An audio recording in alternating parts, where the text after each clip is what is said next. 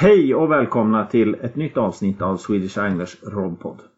Idag ska vi snacka Specimensvenskan. Eller rättare sagt hur man vinner Specimensvenskan.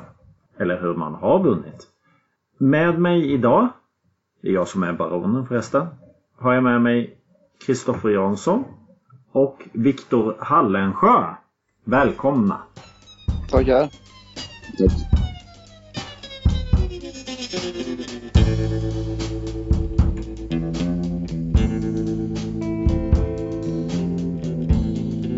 Swedish Anglers Rodpod presenteras i samarbete med Fiskekompaniet. I've had enough of your bullshit to last me a lifetime.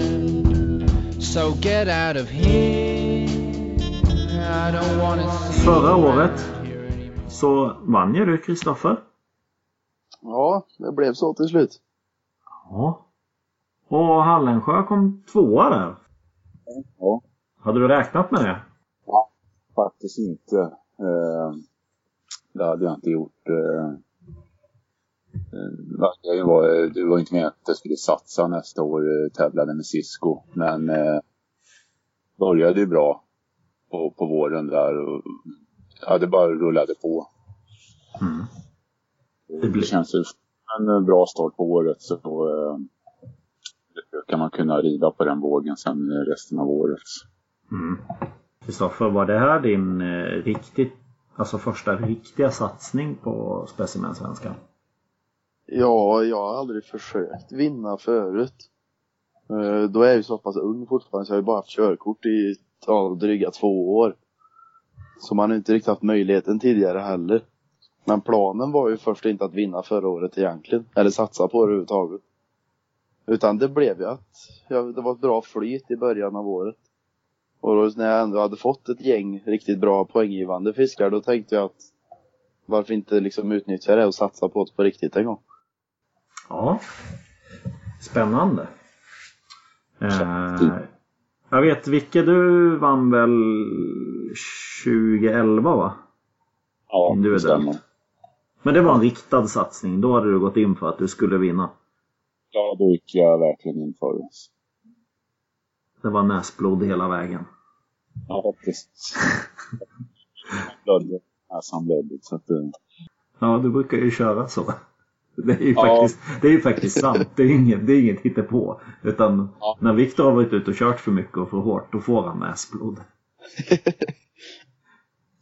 eh, blodstillande vadd och eh, Alvedon. Och sen på köra. upp igen bara. Ja. Ja, ja, vila kan man göra när man blir gammal. Men jag tänker då att vi kanske skulle snacka om ett typiskt specimenår när man tävlar. Eh, alltså man, man siktar ju på stor fisk. I år tävlar vi ju faktiskt tillsammans i samma lag. Men Ja, eh, det gör det. stämmer. förra året här så körde ju ni olika lag. Jag hade ett sabbatsår. Eh, Men eh, om man börjar planerna inför tävlingsår. Eh, Kristoffer, hur, hur tänker du? Hur lägger du upp liksom? Lägger du en plan över hela året eller? Ja, alltså de fiskarna som jag vet att jag har hyfsat god chans att få poäng på. Eh, de försöker jag verkligen planera. Så att jag vet att jag inte liksom går miste om de poängen. Och sen så allt eftersom tiden går märker jag, går det bra och jag får in de fiskarna som jag verkligen satsar på. Då får man ju som också luckor att kunna peta in lite andra saker på vägen. Så många av resorna förra året till exempel så tog jag en, två dagar extra och så stannar man, stannar man till på vägen upp eller ner från ett vatten. Eh, när man ändå liksom hade vägarna förbi ett ställe som kan ge stor fisk. Så det var mycket det jag körde på. Men eh, när jag väl hade bestämt mig för att satsa då hade jag ju redan bokat upp hela sommaren. Det var ju under våren förra året som jag bestämde att ja, men, jag kör hårt på det här i år. Och då hade jag ju nästan lagt upp ja, resten av hela året färdigt där. Ja, jag har för mig du sprang poäng rätt tidigt där. Ja, det, det var ju lite halvtrögt fram till en maj, maj där någon gång. när jag prickade ett rätt bra fiske, när jag fick eh, någon 8 kilos gös och hade en laken på 5 och 7 och en laken på 4 och 6. Då började det ju trappa upp en del med poängen. Och sen så fick jag lite hyfsade ruder som gav bra poäng och sen så var det bara att köra på så hårt man bara orkade och hade tid med. Ja. Och så gäller det att man har lite flyt också när man väl lägger sin satsning också. Ja, så var det ju verkligen förra året. Det var ju, det stämde ju sådär löjligt bra stundtals när man var iväg. Ja. Hos, Hosmo där till exempel var ju Ja, det var ju en riktig succé. Och samma sommarpasset i Älvkarleby med två björknor över kilot på bara ett dygns fiske. Eh, mitt i sommaren. Det var Mm. också så, det bara, det bara stämde. Ja, ja, det är ju fantastiskt. Men om man tänker eh, Viktor, eh, hur eh, stora planer lägger du inför en tävlingssäsong? Eh, Ja, alltså man, jag planerar ju våren. Nu isfiskar ju inte knappt längre så att eh, det blir ju, börjar ju med abborren och sen mört och ja, Färnasarv eh, där i, i maj. Det blir ju först mars abborren. Mm. Eh, och sen, eh, Men om vi stannar lite vid, vid där till exempel. ja, Eh, hur, hur eh, lägger du upp din abborrvår till exempel? Eh, jag brukar ju börja i köra nere i Kalmarsund.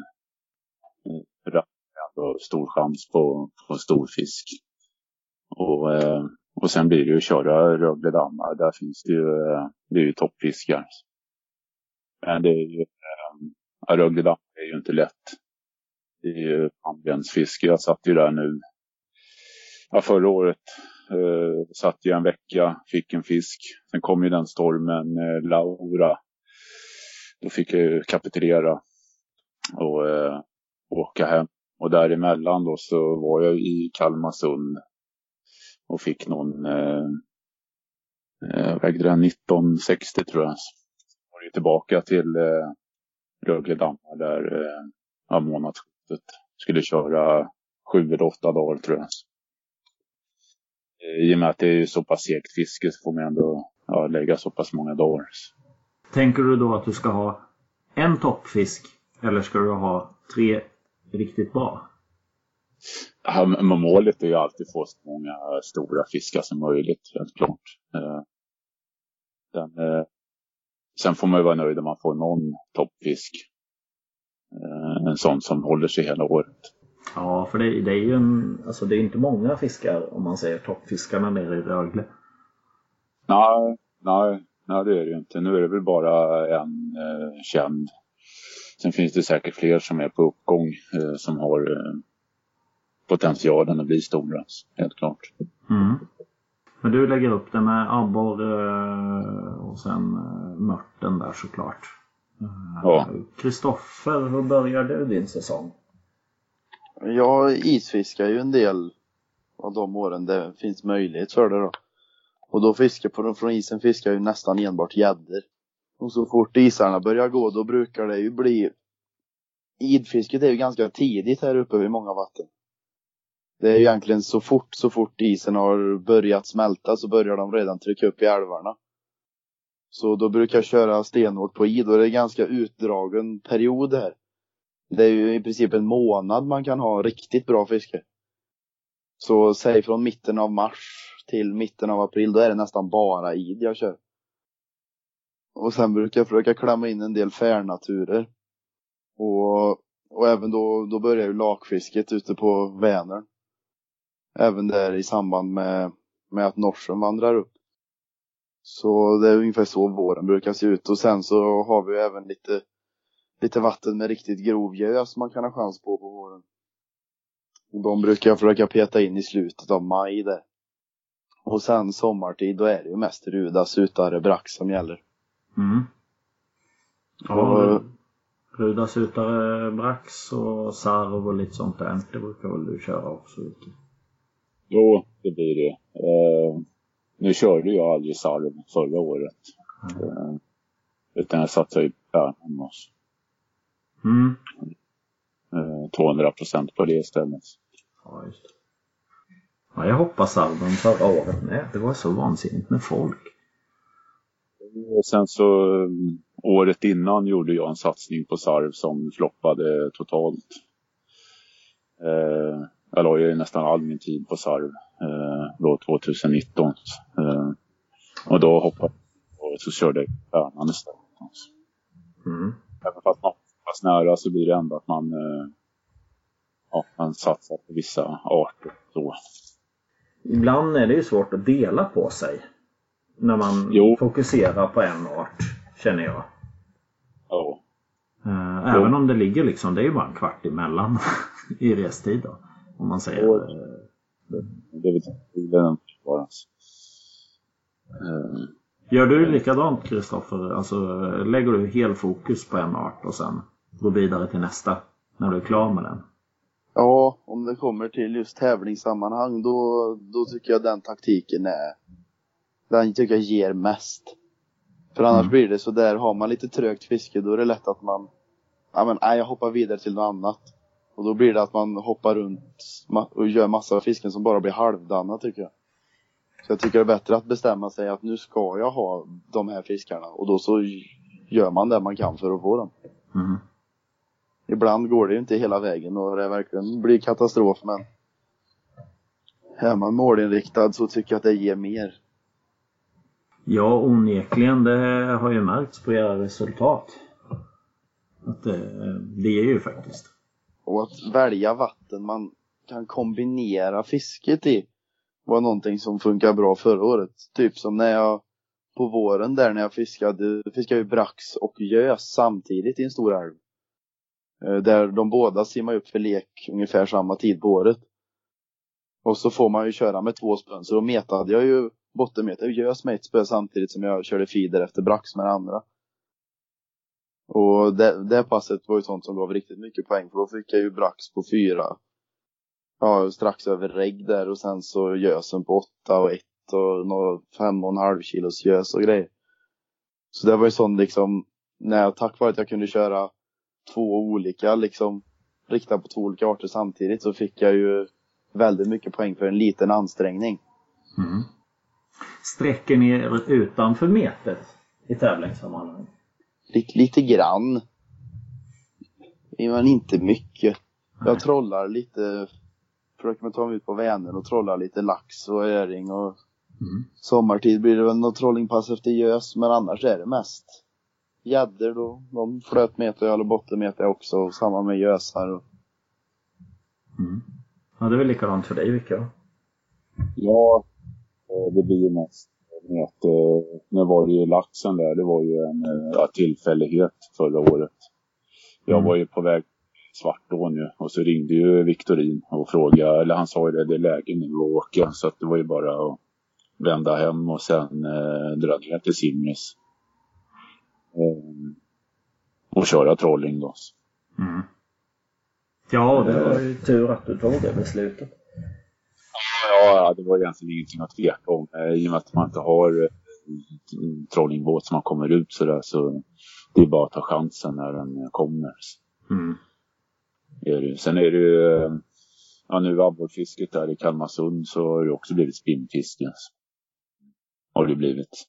Nu sista åren i och med att det har varit lite svårt att få betesfisk då. Så mycket smidigare att bara ta ja, en låda med lite jiggar och andra beten och, och åka ner liksom. Mm, och sen är det väl, men det är längre fram där, det är fram av eh, spinnfiske på den. Så Mm. nästa i mete. Mm. Eh, jag tänker på karp kör ni båda två. Det är ju mer framåt sommarkvisten där sen. Ja, jag gillar ju ja, hösten. Mm. Eh, Här kör vi lite karp på sommaren också. Eh, eh, Jag skulle vilja köra karp på våren också men man hinner inte. Man har så mycket planer, man ska göra det, man ska göra det och sen eh, ja, det är ju knappt 5% av eh, vad man eh, vill hinna. Mm. Mm. Ja, nej, det, så är det ju. Tiden försvinner alltid.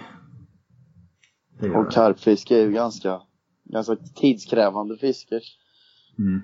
Det kräver ju sina timmar för fiskarna det. Ja, det gör så, så Om man inte lyckas direkt. Eh, Ja, man kan ju ha riktig flyt också. I, som i Kroppkärrssjön. Lägger man ner mycket tid och förmäskar. Om man har möjligheten att kunna komma ut och göra det, då skulle jag säga att det är förhållandevis lätt att få en stor karp där. Ja. Nu har inte jag fiskat jättemycket i eh, Kroppkärr, eh, men eh, jag vet när jag var där eh, första gången då lyckades vi ju jättebra. Mm. Ja, och det handlar ju, det är ju verkligen en sån sjö. Det handlar om att ösa i boilies. Ja, Desto mer man mäskar, desto mer får man i princip. Känns det känns som att det är omöjligt att mäska för mycket. Det. Ja, ja. Mm. Ja, det är väl det jag har fått till mig också att det, det går åt. Någon säck för- eller två. För förra året, det blev ju varannan dag var i och körde i en 20 kilo fördelat på tre platser. I två och en halv vecka innan jag fiskade. ja. Och då, då kom ju den fisken på 15 och så tappade jag en fisk precis innan den. Och du körde mycket Skåne förra året tycker jag. Ja, ehm, ja det blev det. Ehm, ja, jag var bara i Skåne och körde karp, det stämmer. Ja. Och då är det Och jag- riktat in det på någon särskild fisk där. Ja, det är ju en target där som jag jagar. Men, eh, ja, men jag var ju faktiskt i eh, Klockskär eh, i eh, augusti eller september förra året. Men jag blankade då. Mm. Eh, och det var fler som var och körde då och hade ett rökfiske. Så att, eh, ja, jag vet inte varför. Eh, Nej, dessa blankpass. Hur, hur tar ni det här med blankpass och så är det är en stor satsning? Är det svintungt eller är det liksom bara borsta av sig och hoppa på igen? Jag Ja, tycker det beror väldigt mycket på vilken art det är man fiskar efter. ja, Som Mm. om man åker flertalet resor till ett vatten som Dalälven och bara misslyckas gång på gång. Det skulle ta hårt i Mm. jämförelse med om man sitter i, ja som Ursjön. För hamnar du fel, fel vecka i Ursjön då kan du ju fiska helt rätt, göra allting rätt men du får ändå inte en fisk på sju dagar. ja. Mm. Den känner jag igen. Igen, ihåg mycket när jag var där första gången. Ja. Då fick ju jag eh, sju, sju stycken Mm. eh, 1890 eller 1860 var det största. Och sen när jag var där förra året så blankade jag. Mm. Eh, Ja, jag blankade ju första året. Eh, sen har jag inte varit dit igen. Men, eh, vi ska väl dit nu om ett tag. ja, det blir där i eh, ja, början på juni. Ja, då blir det, då blir det revansch. Ja, nej men det är ju de här. Det är klart, det är ju lättare att ta. Alltså när man hållit på med specimenfiske ett tag känner väl jag spontant att det är lättare att ta de här eh, blankpassen när det är något som man vet med sig att det är assvårt. Jo, Men något som borde vara relativt enkelt och det liksom går käpprätt. Alltså som ja, Sarvio Motala Ström eller något sånt där. Det, det brukar ju vara relativt enkelt att få en skapliga i alla fall. jo, men det var ju som min satsning för två år sedan. Det blev ju totalt fiasko. Eh, Mm. och även Stockholm kan jag tycka när man sitter 25 ibland. Man kan sitta, man kan gå en hel dag utan en fisk. Oh ja. Det fanns så jävla svårt ska det inte vara i, i början på maj då. Nej, det kan vara magiskt trögt i den där svartån. Alltså. Medan nästa gång kommer du ner och sitter en halvtimme och så är det klart sen.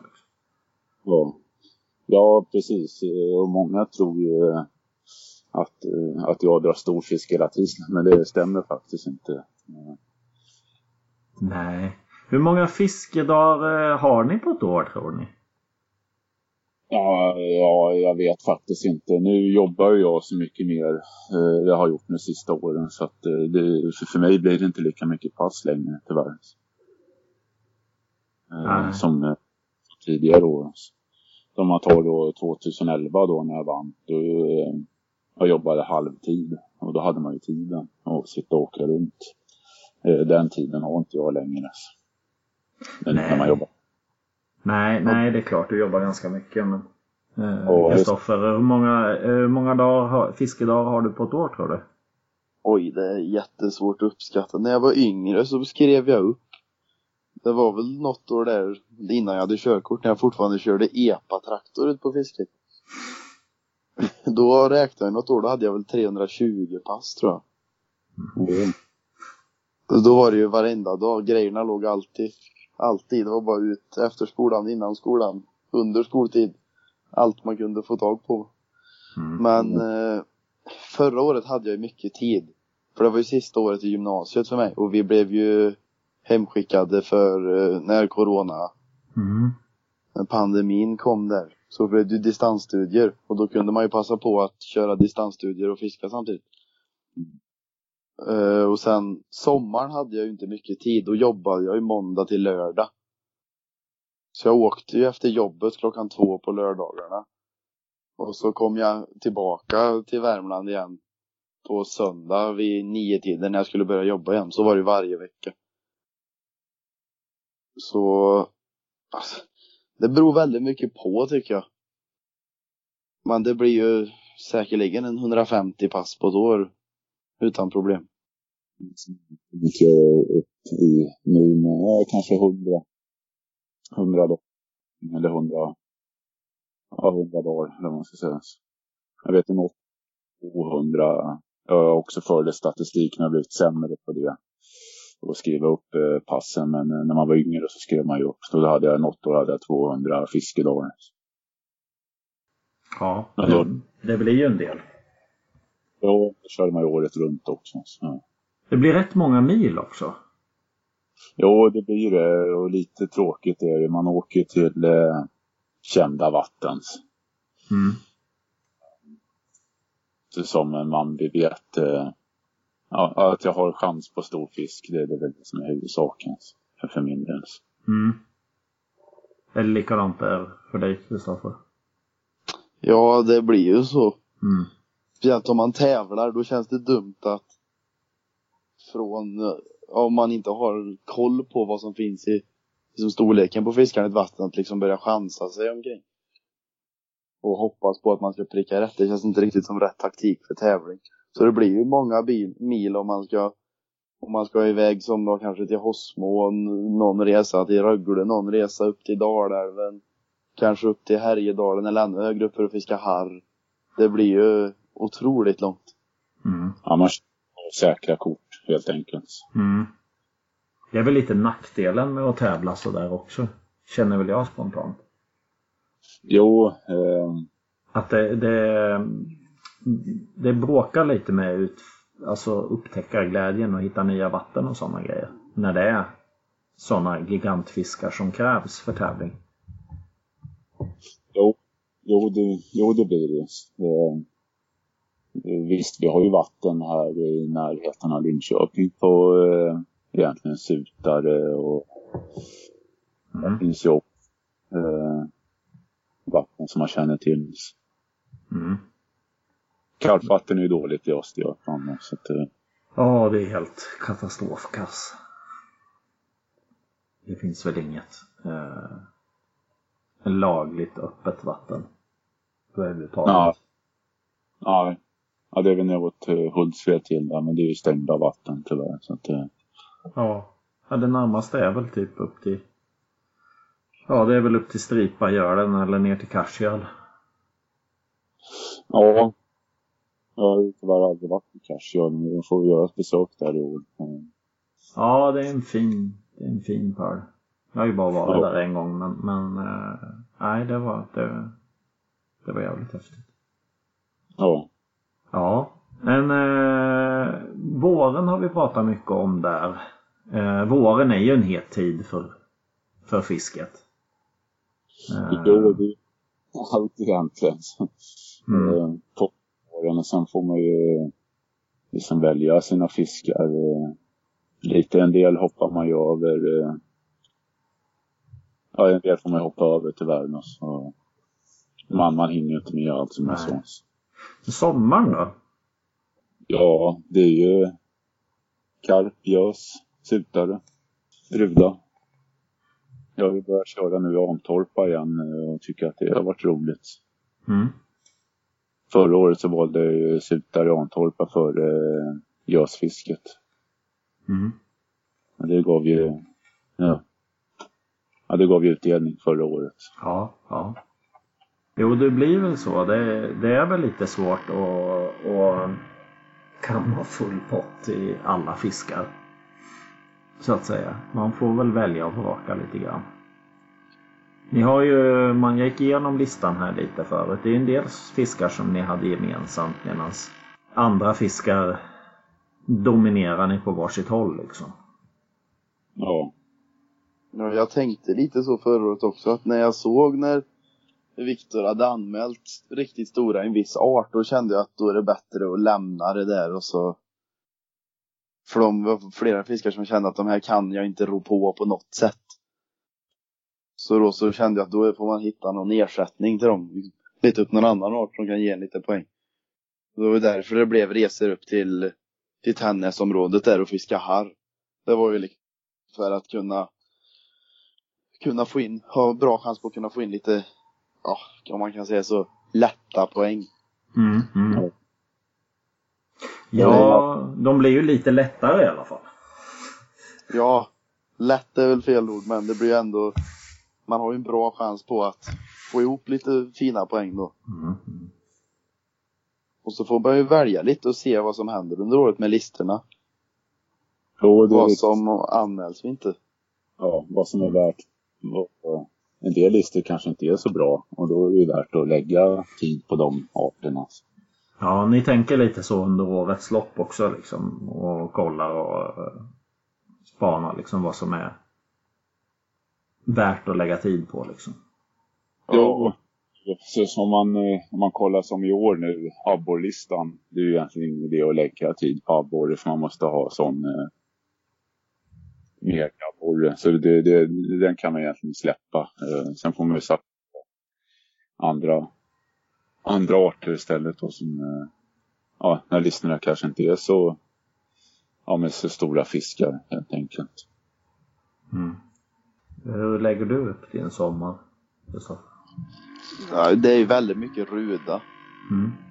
Eh, I vanliga fall om jag, och som när, jag- när jag inte har satsat på svenskan, då är det ju mestadels rudor jag fiskar för jag tycker det är väldigt roligt. Mm. Det är nog den fisken jag håller högst i svenska vatten faktiskt. Och så finns det ju mycket tacksamma ställen här omkring att fiska rudor på, så det blir väldigt mycket rudafiske. Och nu har väl en del den där runt Karlstad. Så. Ja, det är ju fina rudor i var och varannan sjö här omkring så. Och Ja. väldigt mycket oupptäckt. Lägger man eh, lite tid och kikar runt lite och pratar med de gamla lokala gubbarna i området så hittar man alltid någon vatten och någon säger ja, jag har fått ruder på två och två och ett halvt och sen så när man väl kollar upp det så visar det sig att det finns ju gigantruder i de vattnen.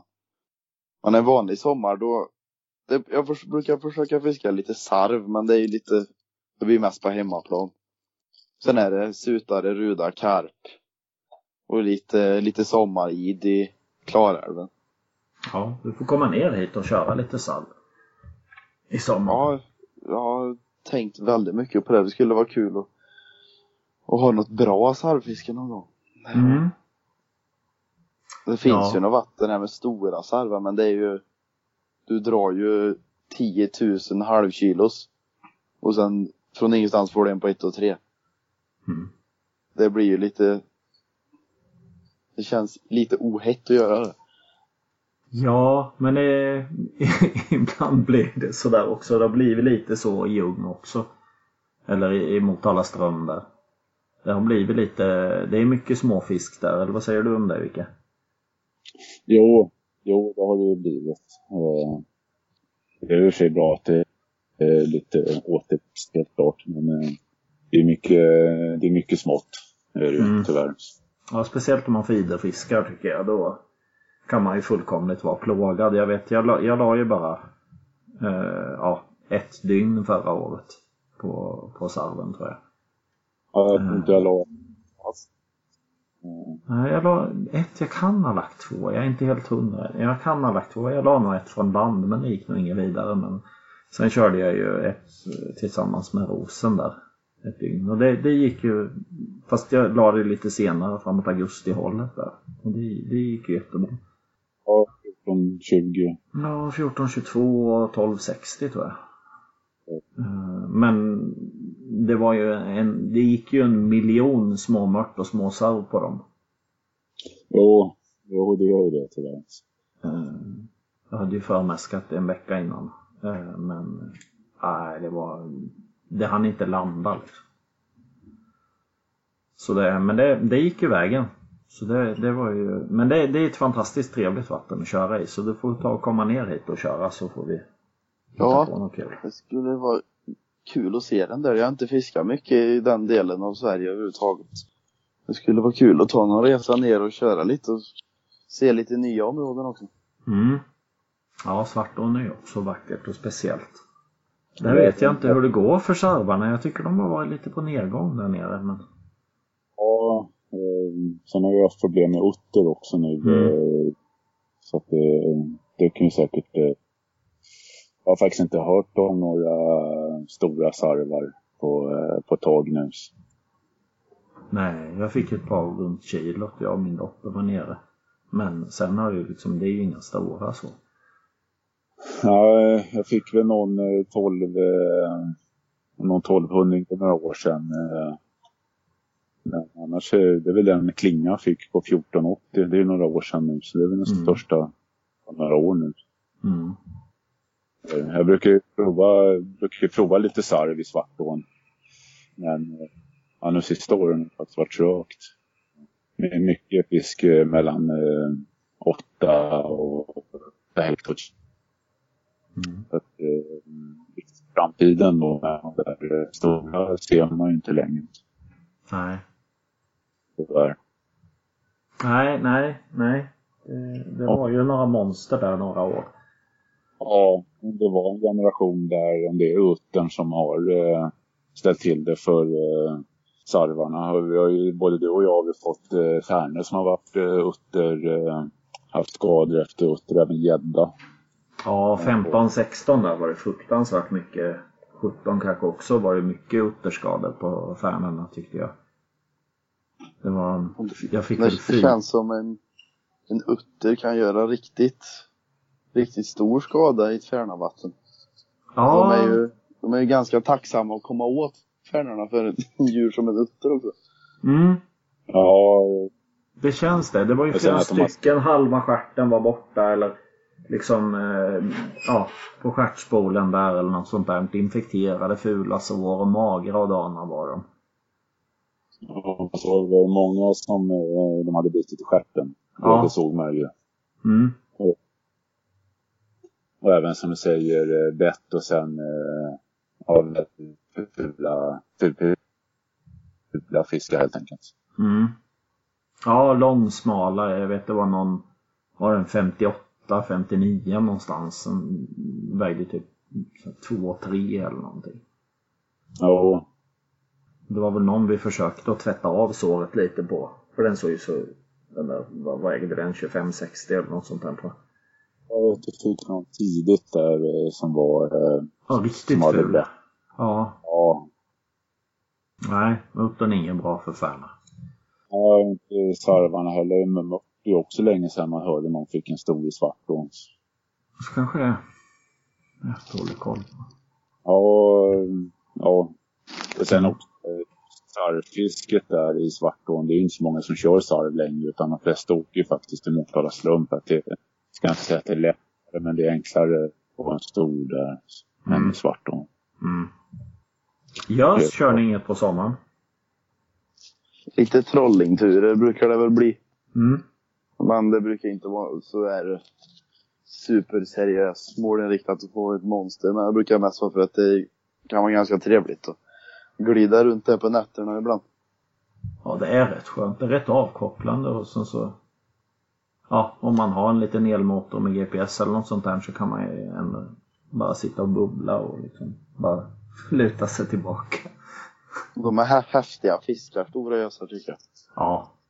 De är väldigt uh, maffiga blir de när de kommer upp lite i vikt. Ja, det är de. De är, de är jäkligt coola. Jo, jag, har, jag har ett par oplockade fjädrar med ett par gösar nere i en sjö som har varit uppe och vänt vid båten tyvärr och inte velat komma upp hela vägen. Två år på raken här så vi får väl se hur det går i sommar här. Ja, vi får väl lägga Ja, som vi kan lyckas.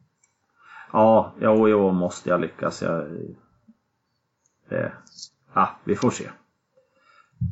Eh, Jättemycket tid på om jag ska vara ärlig. vad sa du? Eh, Ja, just gösen är väl ingen eh, fisk som har lagt jättemycket tid på oss. Nej. Men du, du har lagt en del tid ändå, Kristoffer. Ja, speciellt efter jag började krångla med att försöka bottenmeta dem. Mm. Så började, då blev det, började det bli rätt mycket fisketid på gös faktiskt för det är, det är jävligt kul att bottenmeta gös faktiskt. Samma Mm. flötmeter. Mm. Allt på meter blir mycket roligare. Det bara är så. Ja. Ja, det är något speciellt. Har man väl fastnat för mete. Jag gillar ju att- göra lite annat också bara för att växla av lite. För jag är så rädd för att bli less på någonting. Men, men mete är ju det som är. eh, Ja. Det är ju det som tar över jämt. Eh, Ja. Om vi kommer till hösten då. Ja, det är ju, för mig blir det ju karpen. Mm. Jag, får, eh, ja, Mm, jag får ju lägga mitt karpfiske på hösten för eh, jag hinner ju inte det på ja, ja, vår, eh, sommar. Jag brukar faktiskt aldrig ta sommarsemester. Jag brukar alltid jobba på sommaren. Så att, eh, sen brukar jag ta lite ledigt på hösten. Så det är ju karp. Ja, då sen så blir, brukar det ju faktiskt bli något harrfiske varje år. Nu var jag ju aldrig förra året och körde harr. Men det, det är ju faktiskt jävligt roligt fiske. Man kör från Mm. Eh, Kristoffer där då? Eh, Ja, det brax brukar jag försöka klämma in lite på östkanten där och sen så blir det ju även lite karpfiske då med. Och mört. Man brukar kunna ha ganska bra mörtfiske framåt höstkanten i, i vattnen här hemma i alla fall så. Och så någon, någon liten Älvkarleby-resa brukar man vilja klämma in för det. Jag tycker det är riktigt roligt fiske där uppe. Det är kul att ha ett sånt litet brötigt fiske ibland där det nappar mycket och det är många olika arter. Och Ja, man behöver lite lattjofiske. Det- ja, ibland kan det vara välbehövligt att bara kunna åka iväg och få massa fisk. lite självförtroende byggande och sådär liksom. Så man sitter och nöter på stor fisk. Eh, det är få napp och sen eh, kan man faktiskt sakna det där. Ja, att det händer, att det händer något hela tiden. Eh, jag har egentligen inga problem med att sitta och nöta eh, på ett ställe flera dagar och sen blanka. Bara jag vet att jag har chans på en stor. Men eh, man kan ju sakna det där lite. Att, man har, att det nappar hela tiden. Och, eh, så, som i Dalälven till exempel. Där nappar det ju eh, kontinuerligt. Sen är det inte alltid stor fisk. Men eh, det händer ju något hela tiden. Eh, det är faktiskt, man, man, man behöver lite det ibland när man sitter och nöter på de där eh, stora fiskarna. Att det händer något. Och just hösten, för mig brukar det bli lite spretigt på hösten. Speciellt eh, säg september och så in början av oktober. Då är det väldigt mycket sådär beroende på hur varmt det är, hur mycket vattnet börjar kyls och allt det där. Det blir man åker fram och tillbaka och testar och vill hinna med sommarfiskarna, liksom ge dem en sista chans om att fiska lite ruder och sånt. Jag brukar aldrig, aldrig kunna, oavsett om jag lägger upp en plan för hösten så brukar det aldrig bli så. Sen brukar det bli att jag gör allt möjligt samtidigt istället.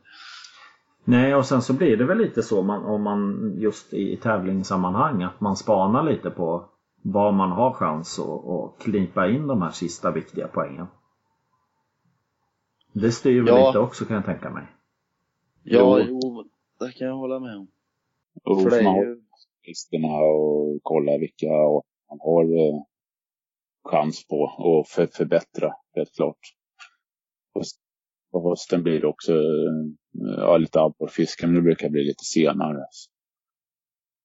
Eh, oktober, november där. Just det. Men eh, om, jag, om vi tänker lite så här fisketekniker och sådär. Ja, vi pratar ju meter såklart.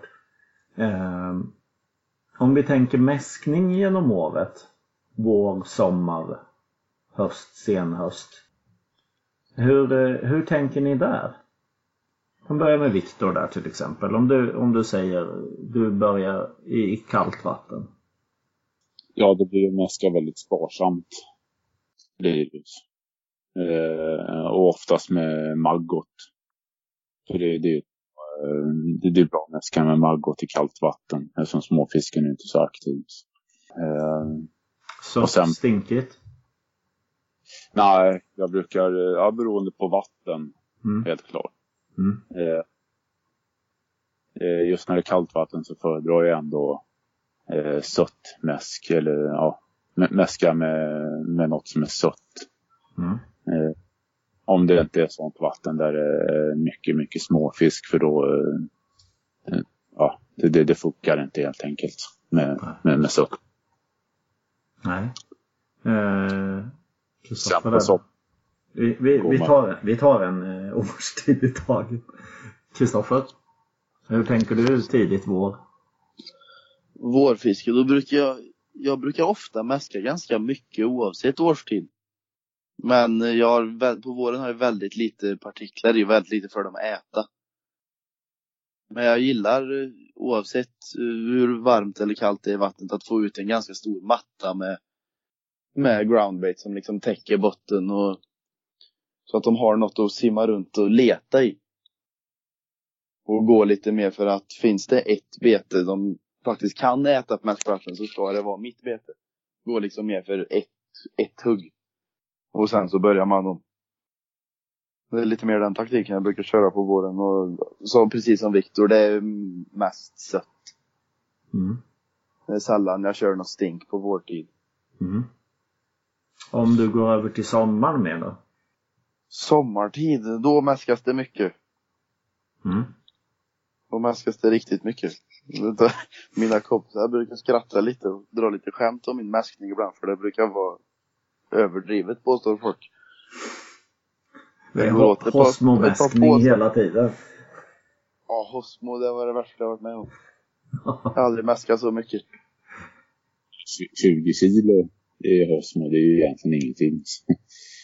Ja, Jag hade väl med 80 tror jag på fyra dagar. ja, ja. Och så 20 kilo pellets och 20 kilo fodermajs. Och det var slut när jag åkte hem. ja. det var en del. Ja, det var... Man, man rycks lätt med ibland när man mäskar. Ja, det Man bara är for- inga, småbollar man bombar i liksom. Uh, nej men sommartid, då brukar jag, om jag metar liksom fiskar som sutare och ruder i sommartid, då är det mestadels stinkande. Mm. Men jag har väldigt sällan i maggot eller hackad mask eller majs i mäsken. Jag, jag gillar krossade pellets och, och den typen av partiklar. Mm. Och att själva groundbaitet tycker jag ska vara väldigt fin. Det ska vara finmalt så man sen kan välja själv vad man vill ha i. Om man vill krossa i pellets i olika storlekar eller köra hela pellets. Så man själv kan liksom välja sitt eget mäsk. Man vet exakt att ja, i det här då har jag haft i så här mycket. Och sommar då är det ju det är mycket pellets i mäsket på de flesta arter. Ja, utom rudan då. Men när det kommer till sutare och id då tycker jag att det är en, och det är en i princip ett måste om man ska lyckas hålla dem på mäskplatsen. Ja, jag har gått över mer och mer på pellets. Jag, eh, jag håller på att labba mycket med pellets nu. Eh, Och kommer köra det ganska hårt i år. Jag har köpt väldigt lite mäsk utan det är nästan bara pellets jag har beställt faktiskt. Ja, det finns, Och det finns mycket att testa där. Ja, det gör ju det. Och börja skålla dem och lite sådana här grejer. Och det blir ganska intressant konsistens på det med att boosta med lite olika liquids och eh, sådär. Så Det har väl jag börjat med mer och mer nu. Eh, lite lättare att hålla, hållas med ibland känns det som. Men rudan där, den är sparsam mäskning på. Ja. Men det är ju mestadels sjöarna här omkring de håller ju Ja det är ju som, en, som Ursjön, det finns ju inte mycket vitfisk. Det är ju lite, lite småsarvar och någon enstaka mört. Och lite sutar finns det väl som bråkar med. Så det, det be, behövs ju ingen stor mäskning. Och ruder är ju alltid ruder. Är det en plats som man fiskar på med jämna mellanrum så håller de sig i det området. Och jag har ju den fördelen att jag kan förmäska många av mina vatten. Så då, då, då behövs det ju inte så mycket mäsk när jag väl kommer till fiskepasset utan då är oftast fisken redan på plats.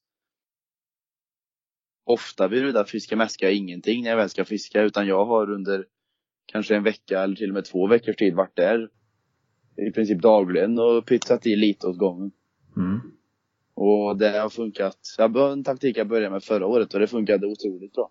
Mm. Mm. Att istället för att fiska onödigt mycket, låta dem vila långa perioder med bara sparsam mäskning och sen så ett uppehåll i mäskning och den dagen har man ett krokbete på platsen istället och det levererade väldigt mycket över förväntan kan man säga. Mm. Spännande. Eh, Vicke, sommaren? Ja, det blir... Eller varmare vatten kan man väl säga. Det kan ju vara en bit av våren också såklart. Jag, jag överdriver ju också mäsklingen. Eh, och det blir oftast eh, ja, lite stinkigare på, på sommarens. Eh, mycket krill. Eh, för det selekterar ut större fisk tycker jag. Oavsett vad man eh, fiskar efter. Eh, experimenterar du mycket med liquids och olika sådana grejer också i mäsket? Ja, jo det, jo, det gör man ju. Jag kör mycket oljor i mina mäsk. Eh, om man tar på våren så blir det lite tunnare oljor. Eh, Solrosolja, eh, sesamolja och sen på eh, sommaren kan man köra de där eh, fiskoljorna. Eh, lax, eh, ja, för de, eh, ja, lite mat så att säga. I och med att det var så eh, frigörs ju det mycket, ja, mycket lättare. Kör du mycket den strategin att du åker och förmäskar i vatten och sådana grejer? Eh, nej, nej det, jag, nej, det hinner jag inte tyvärr. Nej, du går in som ett bombplan istället. Ja, precis. jo, jo, det blir lite så. Eh, ty tyvärr. Eh, jag önskar att jag kunde hinna eh, förmäska, men eh, ja, tyvärr. Nej, du får börja jobba lite mindre tror jag. Jo, jag får gå ner i tid helt enkelt. Hinner fiska mer. Ja. Eh, skiljer sig hösten mycket från eh, våren i, i mäskning för er? Ja, det, Ja, du kan börja Viktor. ja eh, i och med hösten då så ska ju fisken äta upp sin för vintern så då, då eh, fortsätter vi överdriva mäskningen på vintern eller på hösten. Då. Ehm, jag tycker att det har gett bäst resultat. Sitter man i eh, Hosmo på hösten där i eh, början på september så det, går ju åt ett eh, antal kilo. Eh, om man har märkt att det ger ju effekt. Jag tycker det ger effekt när man överdriver mäskning på hösten. Ja, om det är extremt kallt då, eh, såklart. Hur tänker du där Kristoffer? nej jag håller helt med Viktor Mm. där att fiskarna äter ju, de äter ju mycket på hösten. Mm. Även att det blir lite kortare perioder de är aktiva så ändå de drar ju i sig bra mycket mat och till skillnad från våren. Så det blir ju, ja precis som Viktor sa, det är mycket mat i mäsket. Mäska mycket för att hålla dem på platsen. Speciellt om det kommer till fiskar som braxar. De känns ju som att det inte finns något stopp på dem där. När Ja. det kommer till att äta. Nej, vattnets golden retriever. ja. Nej, nej, nej. nej det, det är spännande. Ni har lite olika approach men ändå finns det likheter där. Eh, det är ju rätt kul. Eh, med, med Viktors oljor och lite olika med pellets. Kör du något med pellets Viktor? Eh, väldigt dåligt med pellets faktiskt. Eh, jag har ju snöat in helt på det där med olja i, i, i mäsket. Det är Mm. något jag har kört i flera år Mm. och haft, eh, haft framgång med. Mm. Eh, karp tänker jag. Eh, har ni olika approach till olika sjöar då? Ja, det beror ju på helt vad, alltså vad som finns. Om det är mycket brax eller sutare i vissa vatten så ja, får- man ju välja andra beten liksom. Helt klart. Mm. Man tar, mäng- mängden mäskning varierar lite också från, från värmen i vattnet och jo, jo, jo, det gör det. eller liksom håller man en ungefär lika början på en approach till exempel oavsett. Och sen boostar på om man märker att det ger avtramp eller Så, sen beror det på lite på hur, hur fisket går. Alltså Mm. svep upp eh, fisk så vet man ju att eh, mäsket går ju åt och då får man ju eh, Mm. mäska mer helt enkelt eh, Tänker ni så på eh, allt fiske? Ja, ja det tycker jag. Eh, så, som, eh, ja, som nu, jag har suttit en vecka och kört mört här nu. Jag fick inte en fisk. Eh, för mig en gåta, men eh, så, så blir det ju ibland. Men då, alltså då kan man inte överdriva mäskningen. Har man inte fått någon fisk så är ju mäsket kvar antagligen. Eh, Får man mycket fisk då får man ju liksom fortsätta mäska för att hålla fisken på plats helt enkelt. Resonerar du likadant där, Kristoffer? Ja, om det, man har liksom röjfiske då är det ju bara att man ska på oavsett temperatur i vattnet. Då måste man ju göra någonting för att hålla fisken aktiv och hålla den i området. Och om man går tillbaka lite på det ni pratade om karp där. Har jag möjlighet att mäska med pellets, då gör jag gärna det till stor del. Och sen så har lite boilies spritt bland pellets eh, flaken liksom. Mm, mm. Eh, det, det är ju tyvärr de många vatten där man inte kan, kan göra så. Men som sagt, finns det möjlighet så kör jag väldigt gärna med pellets även till karpfiske. Mm. Ja, det körde jag en del förra året och tyckte att det gick ganska framgångsrikt faktiskt. Körde Ja, lite alla- så här 8 mm jordgubbspellets så lite kul och eh, lite olika sådär. Det, det, jag tyckte det, det ja, det, det gav bra resultat ändå. Även om inte jag svepte några monsterkarpar men jag fick ju rätt mycket fall. Och pellets håller fiskar som karp på platsen väldigt länge. Mm. Det är mycket att plocka liksom. Ja, och det är ju, ja, det är ju samma med eh, ruder och sutare och, och karp och så att de, de, de behöver något de kan simma runt och böka i länge. Och verkligen leta. Det är det jag gillar med just mikropellets till sutare och rudarfiske. En riktigt, riktigt små, liksom två millimeter kanske. Som har ganska långsam upplösningstid. Så att de, de ligger kvar liksom riktigt länge men det finns ändå, de märker att de finns där men de hittar dem inte. Och då tycker jag även att man kan märka om man, man ser bubbelstråken. Att desto längre tid de håller på att böka bland de här små, små pelletsarna desto intensivare bubblar det. Och när man väl då presenterar ett bete bland det där så brukar det, det brukar inte ta lång tid innan man får, får en fisk då tycker jag. Mm, -hmm. Ja, det är en spännande approach. Den gillar jag. Ja, det är väl lite så jag tänker med pellets också. Några eh, boiler approach Ja.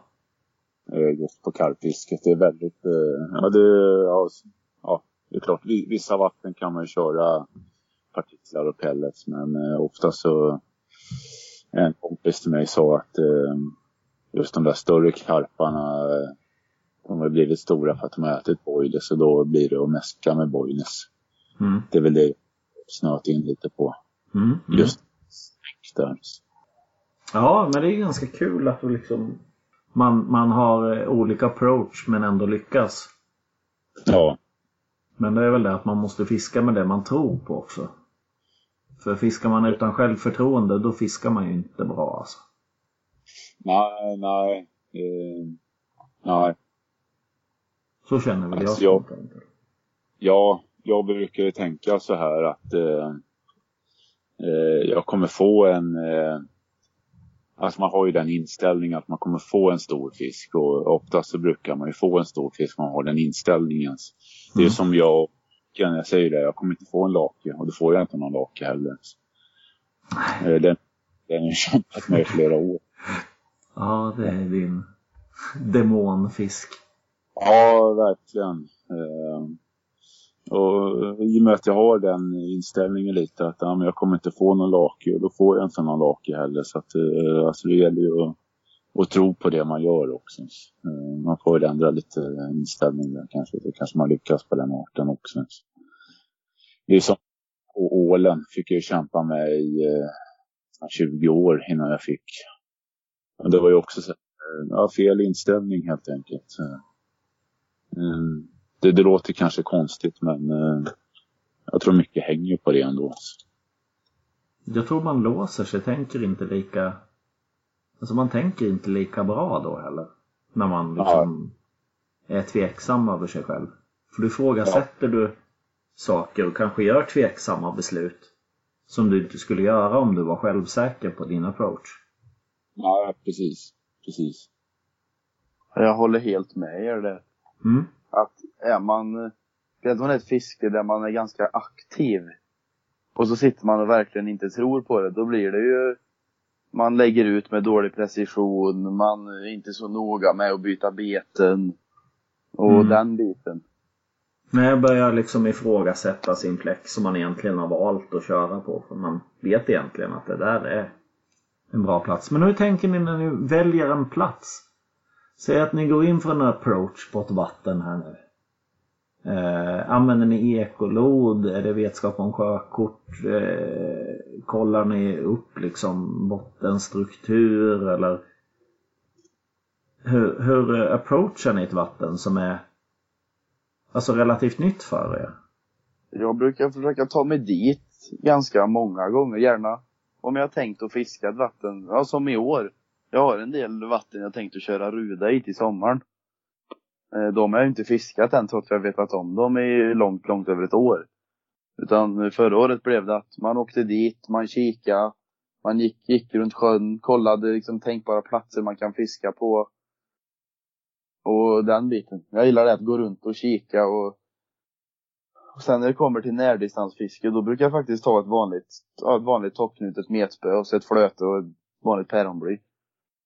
Och så går jag bara runt och så doppar jag det på olika platser och ser djupskillnader, känner hur hård, botten är hård. För att veta lite, lite hur sjön ser ut. Och sen så går man mycket runt ett vatten lite olika årstider, då är det ju, har man ganska stor chans att man, ja man kan ju se stor fisk. Och man får liksom en liten känsla över vart det borde vara hett samma om man eh, fiskar kanske efter en art som om man har tänkt att lägga en vårsatsning efter något och kunna gå runt och kolla tempen i vattnet och så där man, vart växterna kommer upp först och den biten. Sånt tycker jag är väldigt viktigt. Och finns det ett sjökort till en sjö så är ju det jättebra. Då kan man ju på en gång sålla bort lite delar som inte känns. Som man inte tycker är tänkbara att ens testa på. Nej, nej, för det är ju olika bottentyper håller ju verkligen olika eh, temperaturer i olika delar av året. Det är väl lite, där det är lite lerigt och sådär, det brukar väl hålla en lite bättre temperatur ibland och sådär.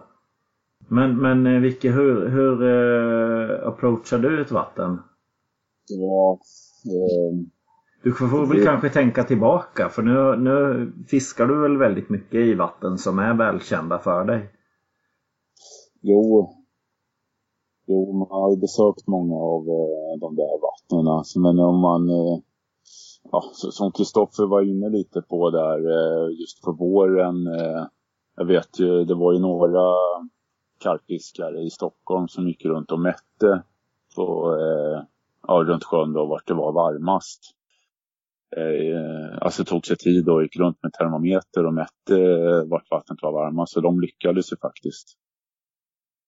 Eh, så, så att har man den tiden att gå och eh, kolla temperaturerna så eh, men sen så också eh, ja, alltså kasta runt med ett sänke. väldigt mycket information tycker jag. Mm.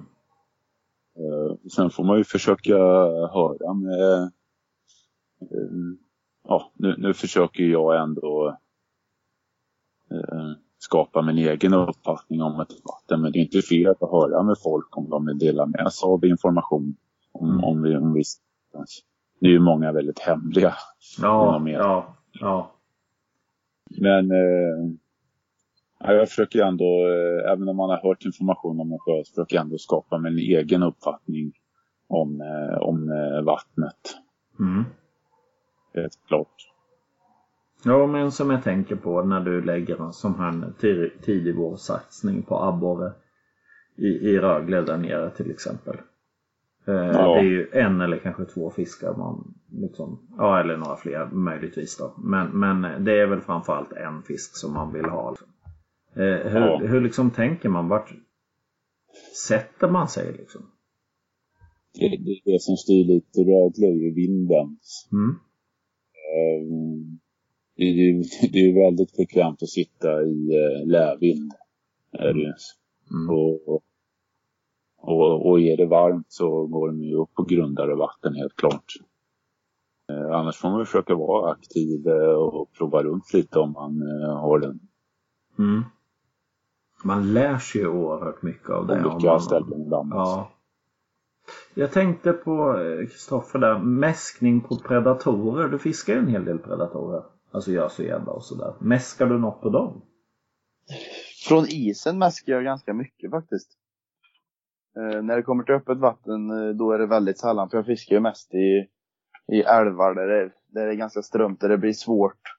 Jag, jag, får, jag får dåligt självförtroende när jag försöker mäska där det är strömt för jag blir osäker på exakt vart det kommer hamna när det sjunker och liknande. Så det brukar jag strunta i. Men just från isen eh, och framförallt på gösfiske har jag märkt att det kan ändra en hel dag genom att bara liksom krossa ner några mörtar i ett hål. Jag experimenterade mycket med det i vintras när jag körde en del gös. Och det var inte en enda dag som jag inte fick gös i mäskat hål. Det var vissa dagar jag körde sex spön. Tre av dem mäskat, tre av dem inte mäskat. Och jag hade kanske 15 gösfäll. Alla var det hade mäskat. Inte en fisk är de omäskade. Och det är någonting som har kommit tillbaka ofta när det kommer till gösfiske. Det är, det är lite intressant det där. eh, Just med, eh, jag har ju varit inne lite på om man kan mäska på predatorer. Eh, Jag vet, jag har inte testat det men eh, vet andra har ju kört med, eh, så som du sa, mäska i hålen med, med fiskbitar och sånt och faktiskt haft eh, eh, bra fiske då. Alltså man kan, ja, man, man, ja, man märker skillnad helt enkelt Mm. man mäskat då. Mm. Mm. Det kan också märkas på gäddor, speciellt i lite grundare, mindre vatten. Där kan det vara riktigt effektivt att mäska. Och jag hade en liten satsning för någon vinter sedan. Ett litet kärn där jag vet att det tog sig en gädda på över 12. Eh, året innan. Då åkte jag dit varannan dag i, var det 10 dagar någonting? Och slängde i ett par kilo krossad och upphackad mört på tre olika fläckar i sjön. Och sen så fiskade jag ett par spön runt varje av de fläckarna. Och jag hade ju mäskat där väldigt konstant och sen så precis på det stället där mest mäsk hade gått i. Där, där fick jag ju sen den gäddan som jag fiskade efter första passet och den var ju, den verkligen spydde ju ur sig mängder med fiskbitar. I hålet. Och samma alla, jag fick ju en del smågäddor också, de var ju helt knökade i magen med fiskbitar. De hade ju verkligen simmat och rensat allting. Och jag har även testat i vissa vatten där det är lite grundare där man kan se botten. Att eh, mäska en del med fiskbitar och sen så gå förbi och kika in emellan när man är ute på en dag på isen och ser liksom vad som händer. Och det är förvånansvärt ofta allt mäsk bara är uppätet. Gång på gång på gång och sen i slutet av dagen då får man en gädda som är hel, hela magen fylld med det man har slängt i. Ja, det är ju några extra, extra hekton också. Det är ju klockrent. Och de hålen brukar oftast leverera bättre. Mm. Det, det brukar inte bara vara så att det drar in en fisk utan det brukar ofta vara att man kan ha Det kan liksom rent sagt vara överlägset i de få hålen man har mäskat i. Mhm. Så det, är- det är absolut något jag tycker man borde kika mer på. Mm.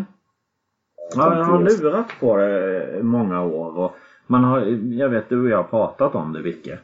Till och från och sådana här grejer. Men vi har aldrig kommit till skott. Ja, på vintern där, fiskarna blir kanske lite kalorismarta. Det, det är väldigt eh, enkel, enkel mat för dem. Mm. Så att, så att det, är- det är säkert en, eh, en effektiv metod och, och om man har tiden då att mäska på, på, på vintern. också. Ja, jag har ju kört med vanligt, alltså mörtmäsk och sånt där. Men det är ju mer för att få dit Betes. betesfisk, eh, aktiv betesfisk i hålen. Eh. Framförallt i, i Norrland när jag kört i Umeälven då. I, i eh, vatten där man hittar där det är nästan stilla i någon liten mar eller något sånt där. Eh, där har det ju gett, tycker jag, skillnad när man har mäskat på mörten så man får dit lite aktiv mört precis som simmar runt hålet så. Jo, men de har ju hört fiskare också haft eh, eh, bra när de har mäskat eh, på mäskplatsen eh, och fått in betesfisk. De har faktiskt fått rätt bra med gös. Mm. Att betet samlas där. Det märker man också om man sitter i Svartån och man kör med mäsk så får man in gädda direkt Ja, ibland. ja, Också mycket sitter och eh, kör efter sarv och så får jag Alltså märker man ju, om man får på någon liten mört och sen så klipper ju en gädda det när man vevar in den sen. ja, det är mer vanligt än ovanligt snarare. Ja. Ja, eller att man får en gädda direkt på. Det känns som att de bara tar ett svep förbi mäskplatsen. Liksom. Eh, Men jag tror, ju- jag tror att det går att mäska efter abborre, gös och gädda och även ål. Tror jag. Jag tror att på, på vintern om man skulle lägga lite, ja även om man har fiskar exempelvis i en sjö efter abborre eller gädda eller gös. När det är kallt vatten. Att köra något stinkande groundbait. Och sen så ha i något riktigt, typ halibut liquids i det. Och så kanske krossa ner lite fiskbitar och lite, jag tror pellets också skulle vara väldigt lockande. Och så prova att släppa ner det i några hål. Så det ligger där och doftar och blir som en litet moln runt och så fiskar man betet väldigt nära den med själva mäsket sen. Det, det är nog något man borde kika vidare på för det kan nog Det är ju väldigt outforskat också, speciellt från isen. Ja, ja Jo. alltså mäskning på predatorer överhuvudtaget är ju väldigt outforskat. Jo. Eh, ja, jag har ju tänkt det att jag ska försöka eh, just på abborren eh, se om man kan mäska till sig abborre och även gös och gädda. Eh, och även ål då. Eh, om man tar den predatoren eh, så, så tror jag ändå eh, det, det är någonting jag har eh, kikat på väldigt länge nu och tänkte jag skulle jag vet att Swedbet har ju något abborrmäsk där. Så det är inte fel att testa. Nu när jag har suttit i eh, Rögledammar så alltså, har jag kört en eh, eller krillkung. Och sen haft någon eh, makrillolja eller laxolja i. Något. Mm. Sen vet man inte om det, om, om det är det som har gjort att man har fått fisk eller inte. Men eh, det, det är ändå en intressant eh, metod att försöka mäska på eh, predatorer. Ja, för jag menar doftjiggar och doftmedel på jiggar och sånt har ju många testat. Eh, och, och ganska framgångsrikt, både, både på trolling tror jag, på gösen då. Med, med doftmedel medel på betena och sen eh, även på, på jiggfiske. Och det har ju gjort avtramp liksom. Det har ju gjort Ja. skillnad. Så att, eh, Jag vet jag har ju mycket, eh, det finns ju sådana doftpennor med vitlök just för abborre. Nu har jag kört eh, eh, Corlagos vitlök på eh, abborre men det har faktiskt inte gett så bra eh, effekt. Så jag mm. vet inte om, ja. Det kan ju vara tillfälligheter men eh, Ja. ja, jag har inte Nej, det var någon kille på Sportfiskemässan som var och köpte massa, köpte väl upp allt jordgubb vi hade. Som han skulle ha till abborre. Det svor han över att det var vansinnigt bra på abborre. Okej, ja. Mm. Varför inte?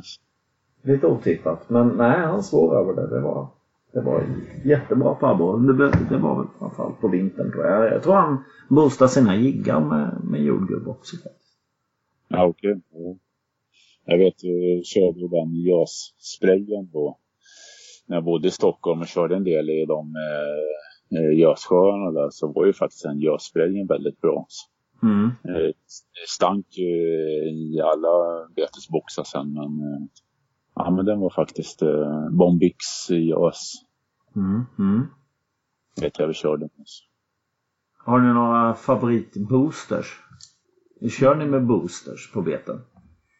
Jag gillar ju spruta alla beten. det gör du?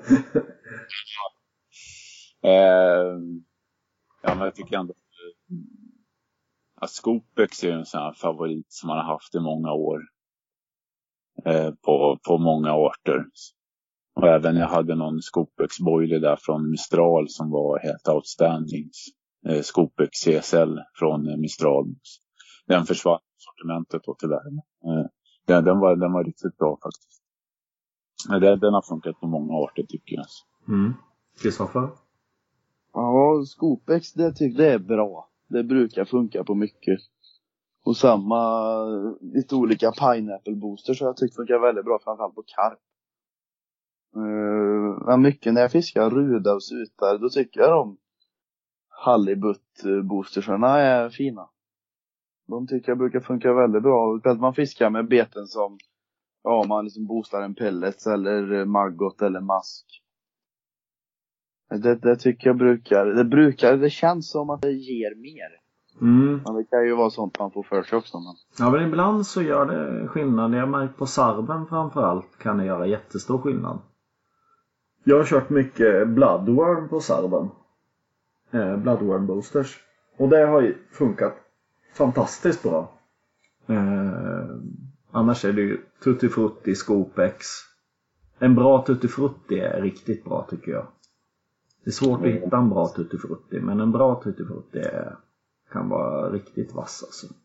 Jag har ju den Usworth. Eh, Tutti Frutti, den är ju... Eh, eh, ja. Den eh, Tuttifrutti Tutti Frutti Risworth, den boilersen som fanns, den var ju riktigt grym alltså. Men den, jag vet inte om Risworth finns ens idag. De har eh, några smaker, men jag tror de eh, Risworth försvann. Jag ska inte vara helt eh, hundra, men eh, ja. Nej just alltså Scopex det luktar ju oftast. Alltså det är, det är ju Scopex. Men Ja. just Tutti Fruttin. I min erfarenhet i alla fall att den kan skilja ganska mycket. Från märke till märke vad den luktar. Jo. Jag vet ju Dynamite Bait hade ju någon Tutti Frutti som var bra och även eh, Vandeneiners eh, den Boost. Nu har den utgått ur sortimentet tyvärr. Mm. Den, den var ju riktigt bra. Den eh, Ja. 200 liters flaskan. Alltså eh, Metmask hade en eh, booster som såg eh, Tutti Frutti som såg jäkligt spännande ut. Ja, På en sprayflaska. Den ska jag, den ska jag lägga vantarna på tänkte jag. Eh, och beställa hem. ja. Må, många av de boostersarna som Metmask har luktar faktiskt de luktar riktigt bra, riktigt mycket. Mm. Jag var ju upp där för ett tag sedan och skulle hämta lite mäsk och grejer. Mm. Då luktade jag på några och köpte jag några pineapple boosters och det luktar ju alltså några droppar av det i en burk med boilies gör ju att allt luktar pineapple sen. Det är ju riktigt bra. Det, den den är jag. väldigt, väldigt dryg är den och Är det på spray, sprayflaska eller är det i... Eh... nej, det är på sån eh, typ tub. Och den är ganska fast. Eh, men den, polaren körde den mycket på Ruda förra året faktiskt. Och han upplevde den var helt outstanding. Och det blir ju som ett litet moln runt den om man boostar ett majskorn. Så Ja, det är något som tål att kika vidare på det också. Det för ska de jag definitivt göra för det, jag har spanat lite på det. Alltså jag, jag är ju liksom en booster-nörd jag med precis som du Hallensjö. Eh, alltså, Jag alltså man, man, hör, man hör ju när Viktor sitter någonstans i närheten för då hör man ju så här, tsch, tsch. så här klassiska lukten på sig. den här doft i, i vinden sen om det... Ja, ja. Det märker Det man direkt när man sitter i samma båt och kör något eller eh, en bit ifrån varandra så känner man det kommer liksom bara nu håller han på med något igen liksom. Men det, det, du har ju fått över mig på det där så jag, jag älskar mina boosters. Jag gillar det och ha i alla fall eh, antingen en liten baitbox som man kan liksom bara doppa betorna i eller om man får boostar en burk med majs eller bara en spray och, och dutta lite på. Jag tror, att- jag tror att det ger en edge ibland. Jag tycker jag märker skillnad ibland när du väl hittar rätt liksom. Jo, men det så sen så är det ju... Ja, visst man kan köra originalmajs eller original Margot eller bröd eller vad som helst. Men jag känner ändå att det, ja, man får något annorlunda när man eh, boostar sina beten. Mm. Och jag tycker det, det känns lite som att, att boosta ett bete, det förstör aldrig. Det Nej. känns inte som att det gör någonting sämre. Nej, det är bara att det, antingen så liksom du märker ju att boostar du alltså fel då, då du får ingen reaktion på det. Men boostar du rätt så får du ju reaktion men du förstör ju inte som att om du har boostat en hel mäskblandning till exempel som är lite inte lika effektiv kanske eller så. Men boosta beten det, det känns ju som att det kan man inte göra så mycket fel på. Liksom. Nej, det är bara att byta bete så är det liksom klart så. Ja, ja, precis. Och det är det som är så roligt att man kan liksom bara på, på ett kort kvällspass efter ja, sarv eller sutar eller någonting kunna sitta och testa massa olika kombinationer. Mm. Och se lite vad, vad man märker funkar. Och man ser också lite vad som funkar i olika, olika väder och olika Mm. årstider. Och, ja, men det är roligt det där att hålla på och trixa lite och se. Ja, ibland blanda lite olika boosters, alltså dofter som man tänker att det kanske känns som att det inte borde funka men när man väl får, får, får ihop de där två så känns det som att det bara gifter sig och det blir Men det är kanske det här självförtroendefisket som kommer in i det också. Jo, jo, det är ju vissa sådana. Det är som skopets banan. Gifter Mm. sig ju jävligt. Mm. Eller skopets, eller vad heter det? Krill... eh, Krillbanan gifter sig ju bra ihop. Ja, det var det jag menade. Ja. Krillbanan. Mm. Eh, krillbanans. Eh, sen har du Skopex eh, svartvinbär Mm. som favorit. Eh, har. Squid, det är ju Nash visserligen men den, det gifter sig bra ihop. Jo, det är just den kombinationen är ju eh, outstanding. Mm. Och sen krill eh, jordgubb är ju också en sån eh, klassisk. Mm. Ja, något Stinkigt. sött, sött med något stinkigt känns som att det kan vara eh, ge lite coola liksom dofter ibland så. Eh, Ja. Men just boosters, där var vi överens om att det är häftigt. Ja, Och Scopex är jätte, jättebra. Tomba. ja. Det är bara en liten hälsning sådär. Han har inte många välvalda ord att säga om Scopex men det Ja. går inte att komma ifrån. Att sälja min själ. Är djävulen för Skopex. Alltså det, Mm. ja, det är min, eh, det är min favorit. eh, Det är din stora favorit. Ja, Om du får välja en eh, favorit då Kristoffer? Om man skulle se, om man delar upp det lite i två kategorier, då skulle nog Scopex Vanilla Mm. vara bland det, på den söta, söta sidans favorit. Och sen om man ser något stinkigt så är det ju vanlig krill. Mm. Krill funkar alltid tycker jag. Det är något man alltid, och det funkar att blanda med det mesta och Ja, det är, Mm. det är en tacksam doft krill. Jag är kluven lite mellan krill och bloodworm faktiskt. Jag har kört mycket bloodworm på sista eh, åren här och jag tycker det är... Ja, jag har bra känsla för det. Även om jag kör väldigt mycket krill också. Bloodworm är ju just en na- naturlig föda för fisken som är väldigt mycket när, näring i. Mm. Det är väl det Så. när man kör lite svåra vatten ibland. Det, är- det är ett, det är ett bra stuns i grejerna om man säger så. Ja. Jag vet när jag har kört braxen ibland runt i dammar så har jag haft sån eh, bloodworm spray och sprayat i sån foam i Mm. mm. feed, method feeden och faktiskt haft riktigt bra fiske. Mm, mm. Eh, även använt eh, sådana fake bloodworms som eh, boilerstopp då till eh, plastmajs eller boilers då. Mm. Jag har haft fiske på det. Så att, eh, just bloodworms är väl... Eh, där ska jag säga att jag har inte fiskat jättemycket med... Eh, man kan ju köpa bloodworms. Eh, Mm. jag vet många pimpelfiskare köper det. Mm.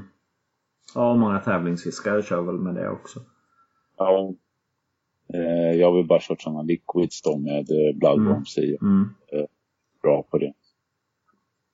Ja, jag eh, ska nog köra rätt mycket med mag, ha en rätt maggot approach här i, i vår tänker jag. Och då kanske lite kombinerat med lite bloodworm spray på det. Det tror jag kan vara en hit. Maggot och bloodworm spray är... Ja, Det känns som att det, det, borde vara en, bra. Det måste ju vara en bra hit liksom. Det är som en Och- gigantisk bloodworm som åker omkring där. Ja. På rudafisken är de är riktigt tröga. Så jag har kört mycket med en size 16-18 krok med en röd maggot och bloodworm spray på. Och det... Nej, det är effektivt.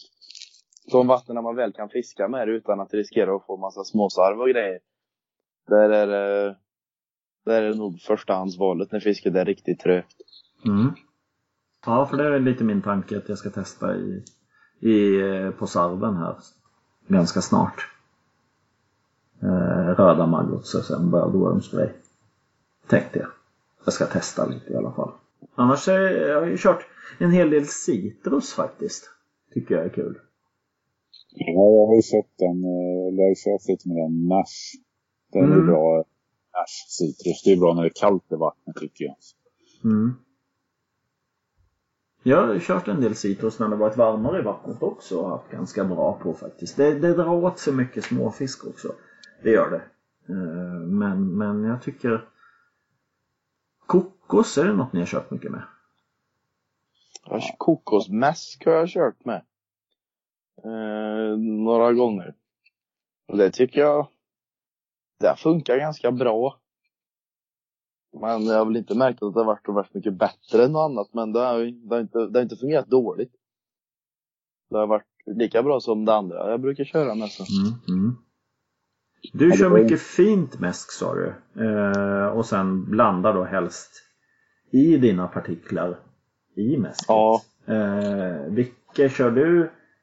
Eh, du kör lite grövre mäsk eller?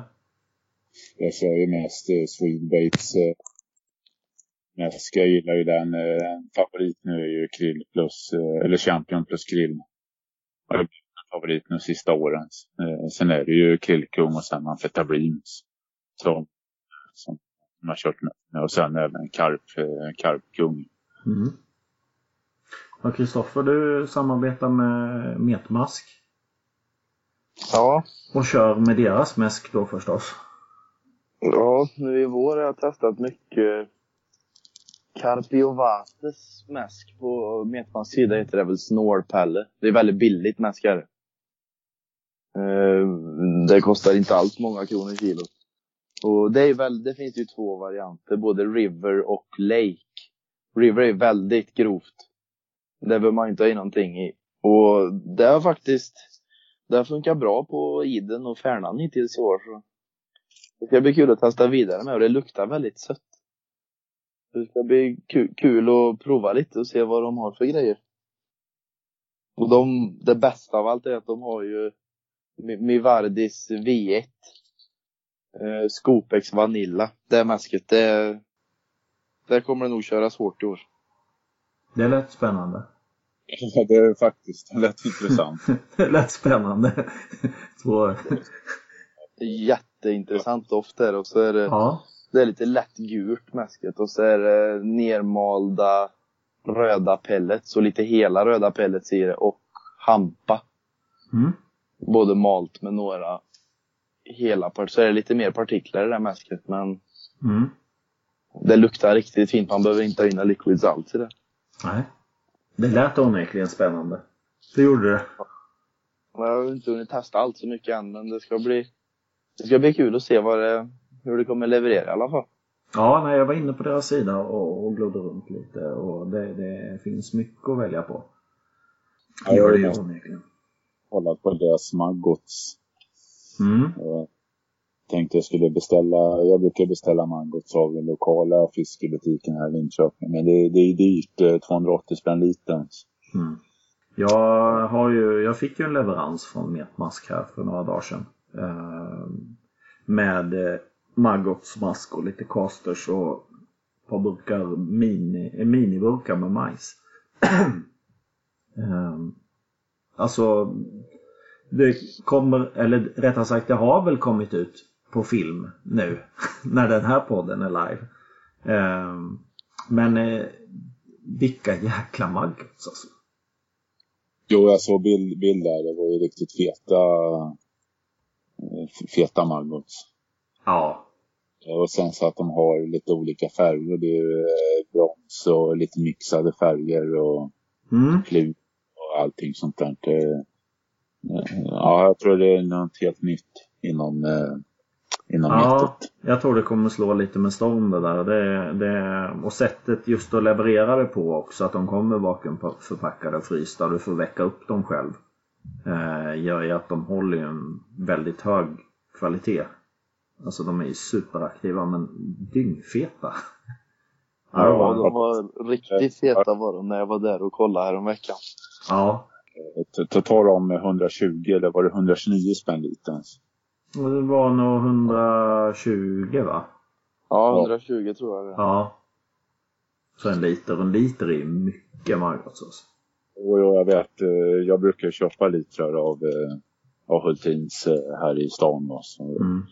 sagt, det är från fiber och 280 spänn litern. Det är, det är mycket pengar. Mm.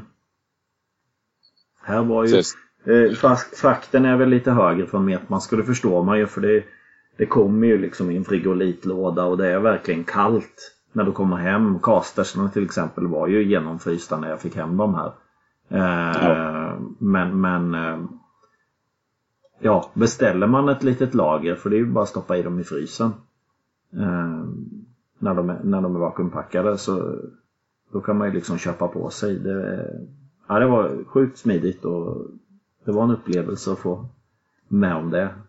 Frugan var inte lika imponerad när jag visade henne burken. då. Barnen tyckte det var häftigt i alla fall. Nej, det var, det var, det var riktigt coolt faktiskt. Det var en väldigt väldans. Jag är lite maggots-såld för tillfället här nu så det kommer bli mycket maggots i mitt fiske. jo, alltså för kan man mäska med maggot så är det supereffektivt. Alltså på all fisk. Eh, abborre, karp, eh, sarmört, sutare. Mm. Ja. Ja, jag känner det och har man liksom 120 spänn liten det är ju en väldans massa maggot. Så man liksom sitter och skjuter ut lite eller har någon maggot feeder eller så. Det, det räcker ju rätt länge alltså. Ja, Ja, eller blanda i sitt mäsk då. Jag såg, såg en del som, det var någon engelsk film. Han eh, dödade maggotsen just när han skulle ha maggots i mäsk. Eh, så han stoppade in dem helt, och, alltså helt rakt in i frysen liksom bara så. Eh, inte Ja. vakuumpackade utan för, för att liksom avliva maggotsen. För att de liksom skulle vara mer visuella i mäsket. Eh, och Ja. inte krypa ner och krypa undan. ja just det. Det brukar jag köra lite varm, varmvatten på. Så, Ja. så då, Ja, just det. Mm. då brukar de i och för sig bli lite tråkiga. Eh, att de blir så... Eh, ja, de, de blir mjuka om man kör varmvatten på. Så det kanske är bättre att, att frysa ihjäl dem. Och, eh, Mm. och, och, Ja, det är väl den enda i Sverige som levererar maggots på det viset. ja. Ja. Ja, nej, det, var, det var spännande. Ni får kolla på filmen när den kommer ut sen. Eh, ja. Får vi göra. Riktigt coolt. Och de här eh, små burkarna, känner du till dem, Kristoffer? Nej, det är faktiskt ingenting som jag har eh, hört om förut. Nej, för det var någon sån här, alltså miniburkar, typ som en halv snusdosa i storlek. Lite högre. Det var... Du menar de majsburkarna då eller? Ja, majsburkar ja. Eh, med, med smaksatt majs. Jag fick, hade någon med honung och någon med vanilj. De var, de var ganska lagom size. En del av de här färdiga smaksatta burkarna, eh, till exempel Pescaviva som är alltså en väldigt bra majs till stor fisk så. eh, Är ju enormt stora burkar. Och de är onödigt stora ibland. För det märkte jag nu när jag var iväg och körde mört här nu så fick man ju eh, kasta 75 procent av burken. Ja. Borde frysa in det där. Eh, och det går ju att... Ja, man kan ha dem i kylskåpet ett tag och sen... Eh, ja, I värsta fall kan man frysa in dem då men... Eh, Mm. det, de känns onödigt stora tyvärr. Eh, Pescavia mm. det, Ja, de är Det- väldigt det bra. Mm. Mm. Ja. Jag gillar ju den eh, eh, pellets. Mm. Pescavia pellets. Ja, just det. Men det har börjat, min känsla är i alla fall att det börjar faktiskt komma lite mer meter på svenska mark- fiskemarknaden. Hur upplever ni det? Ja, det, det känns som att, jag, tycker i alla fall man ser, man ser mer produkter och, och liknande på Facebook och Instagram och så. Mm. Som folk, folk faktiskt eh, visar upp lite mer än förut. Mm. Det känns som att det börjar hända någonting i alla fall. Mm. För det har ju varit väldigt, väldigt glest under rätt många år. Eh, och det är ju det är ju kul att det dyker upp med flera, fler butiker vågar ta in och så har vi ju de här specialiserade butikerna då som endast sysslar med, med meter då. Men det är kul att de vanliga butikerna börjar faktiskt plocka in lite, lite grann lite här och där också. Jo, Söder Sportfisket har ju in och sen även eh, Volmars har ju en del. Mm. Eh, har ju en del meter. Mm. Ja. ja, det börjar dyka upp lite här och där. Det, det är lite kul. Det behövs ju lite Ja, lite olika, lite nya märken också. Eh, som de här märkena, nya för mig i alla fall, som bland annat Metmask har tagit in och sådär.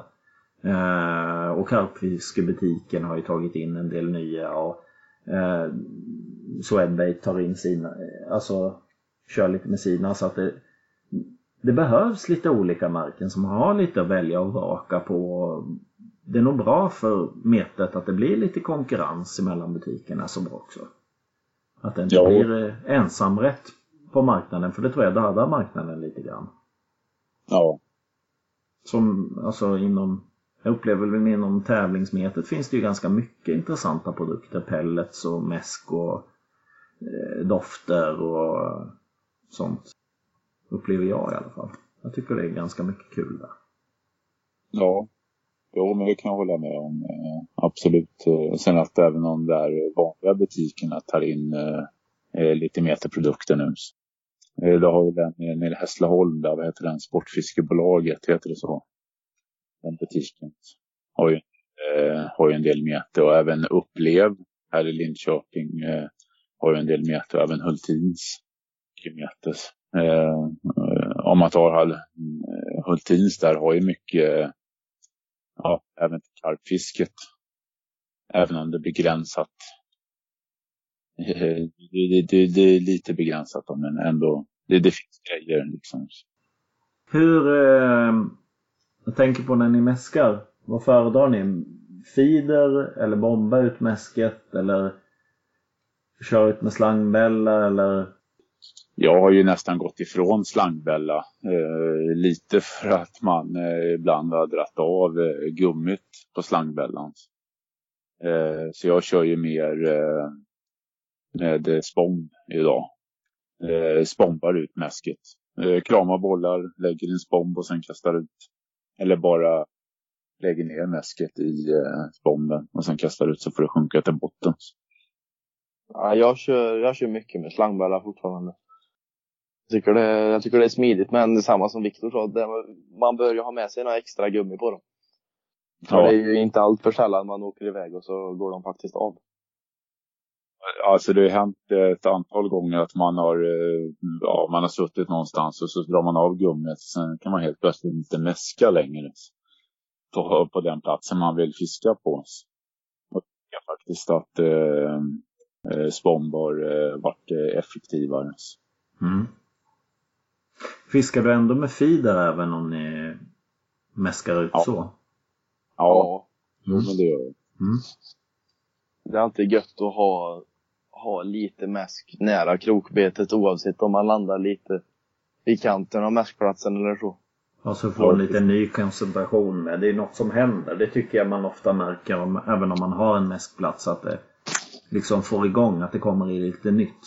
Ja, jag, jag tycker feeder jag tycker det är jävligt bra faktiskt. Mm. Det är sällan jag fiskar utan feeder om jag mäskar. Jag har börjat lite med PVA-strumpor med, med pellets och sånt. Och köra på vanliga metet också. Ja, det är lite intressant. Det är kanske något man skulle kolla vidare på också. För jag har ju börjat med lite smått med några broilersorter och köra på Färnan då. Bara harrigat dem men jag kör vanligt eh, bomtackel liksom. Ingen, ingen boltrigg så. Eh, men eh, då liksom höll jag på att lura lite hur fan jag ska få i mina pellets där. För jag vill gärna mäska med pellets. Jag brukar ju normalt sett inte mäska på Färnan men nu, i år tänkte jag att jag ska ge det en ordentlig omgång. Men, men eh, då, då började jag faktiskt att knyta ordning ett gäng PVA-strumpor med, eh, med pellets. Och sen så bara, ja som med kappfisk, bara hä- häkta dem på kroken när man kastar ut. Bara för att få en, en laddning med pellets där jag har mitt krokbete, eller i alla fall i närheten precis. När man fiskar spännande vatten. Då. Ja, det finns mycket intressant att testa med. Som vi pratade om förut, men just med pellets så finns det mycket. Mm. Ja, där har jag... Ja, där finns det mycket att experimentera med. Men det gör det väl med mäsk också. Men eh, det är... Ja. Det är roligt ändå att ha lite olika approach och så höra lite andra personer hur de tänker. Man kan ju få lite aha-upplevelser ibland även om man är inkörd i sitt eget. Ja, så är det ju. Ja. Nej men eh, vad tror ni? Jag tror att det är rätt lagom där. Och kanske avrunda. Eh, Jag tänkte mer på svenskan eh, där. eh, De eh, nya arterna som är med. Ja. Asp, faren, stäm, kanada, röding, ål. Mm. Vad, vad tycker ni om det? Jag tycker det är som upplagt att det ska bli krångel och diskussioner. Ja. Ja, Ja. jag håller lite där. eh, Eh, aspen är ju fredad en viss period och sen ålen eh, får man inte fiska överallt heller. Nej, det kommer ju mer och mer förbud på ålen. He- Alltså hela lands... Alltså hela regioner som säger, alltså inför ålförbud. Generellt Jo. liksom. Som om man tar eh, Stångån här. eh, eh, Det, det finns ju ål men man får inte fiska på den för kommunen. Det är väl likadant i Hedströmmen vet jag Tomba snackade om. Ja, Eskilstuna där uppe och där kring får du inte fiska på. Eh, Jag vet att han nämnde om det i alla fall. Att, Mm. Nej, du får inte Eh. fiska på den. ja, ko- kommunen hade sagt att man inte Mm. fick fiska. på det. Mm. Det är väl likadant Köping just där Ja. i stan i alla fall. Ja, det är hela, hela eh, Stångåssystemet. Ja. Eh, och sen aspen då som är ju eh, fredad. Är många, ja i alla fall de Mälar och Hjälmarån i alla fall. Mm. Ja, och Kanadarödingen han finns väl inte i så vansinnigt många vatten. va? Nej visst, det gynnar väl eh, eh, Norrlandsklubbarna helt klart. Eh, Mm. Gör det ju. Jag gjorde ju ett försök här med Men tror ni att det kommer bli en full lista på Kanadaröding? Nej, det tror jag inte. Jag, jag tror faktiskt inte eh, varken eh, Kanadaröding, faren, asp och stäm kommer inte bli fulla listor. Jag såg nu att det var någon, eh, eh, nå- några stämmar anmälda till svenskan. Eh, Mm. hund 110 gram eller vad det var. Är inte det rätt meningslös fisk att fiska efter? Eh, Jag, jag kommer faktiskt inte lägga någon tid på eh, eh, just stäm. Eh, Jag bara känner en fisk som är så liten. Jag, jag, mig, mig skulle det inte ge så där mycket men jag ska inte tala skit om, om, om det. För det finns säkert de som tycker det är jättekul att fiska stäm. Men, men eh, det känns som en... Alltså det känns lite som att fiska löja liksom. Jo, men det är väl kanske lite de som jagar, eh, ja, jagar ägg som eh, Jag jagar ägg eller jagar arter så. Då, då Ja. förstår jag ju det lite mer. Men just i specimensvenskan vet jag inte om jag tycker att det har så jättestor plats. Stämmen har ju varit med i svenskan för många år sedan. Men eh, jag vet inte, och sen just faren, det är ju inte många vatten. Stäm vet jag inte heller många vatten som det finns. Stäm, just faren är väl också, och, och asp är inte heller många vatten. Och sen just att det är för, förbud och likadant. Nej, ja framförallt då asp och, asp och ål. Det är ju ändå alltså, till stor del skyddade arter. Som är, Jo, alltså står på Ja. kanten. Och det känns ju som att börja fiska på dem. Det känns lite magstarkt för tävlings skull. jo, och ja. Eh, Just eh, ål och asp är ju sådana rödlistade. Ja visst, jag tycker väl kanske inte de borde vara med i, i svenskan.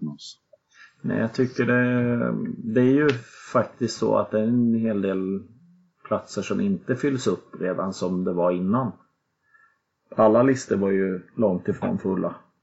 Eh, ja, Harpstam brukar väl vara och SIK är väl också en sån lista som brukar... laxen brukar väl inte vara full. Ja, Färnan när jag kollade igenom var faktiskt inte ens full.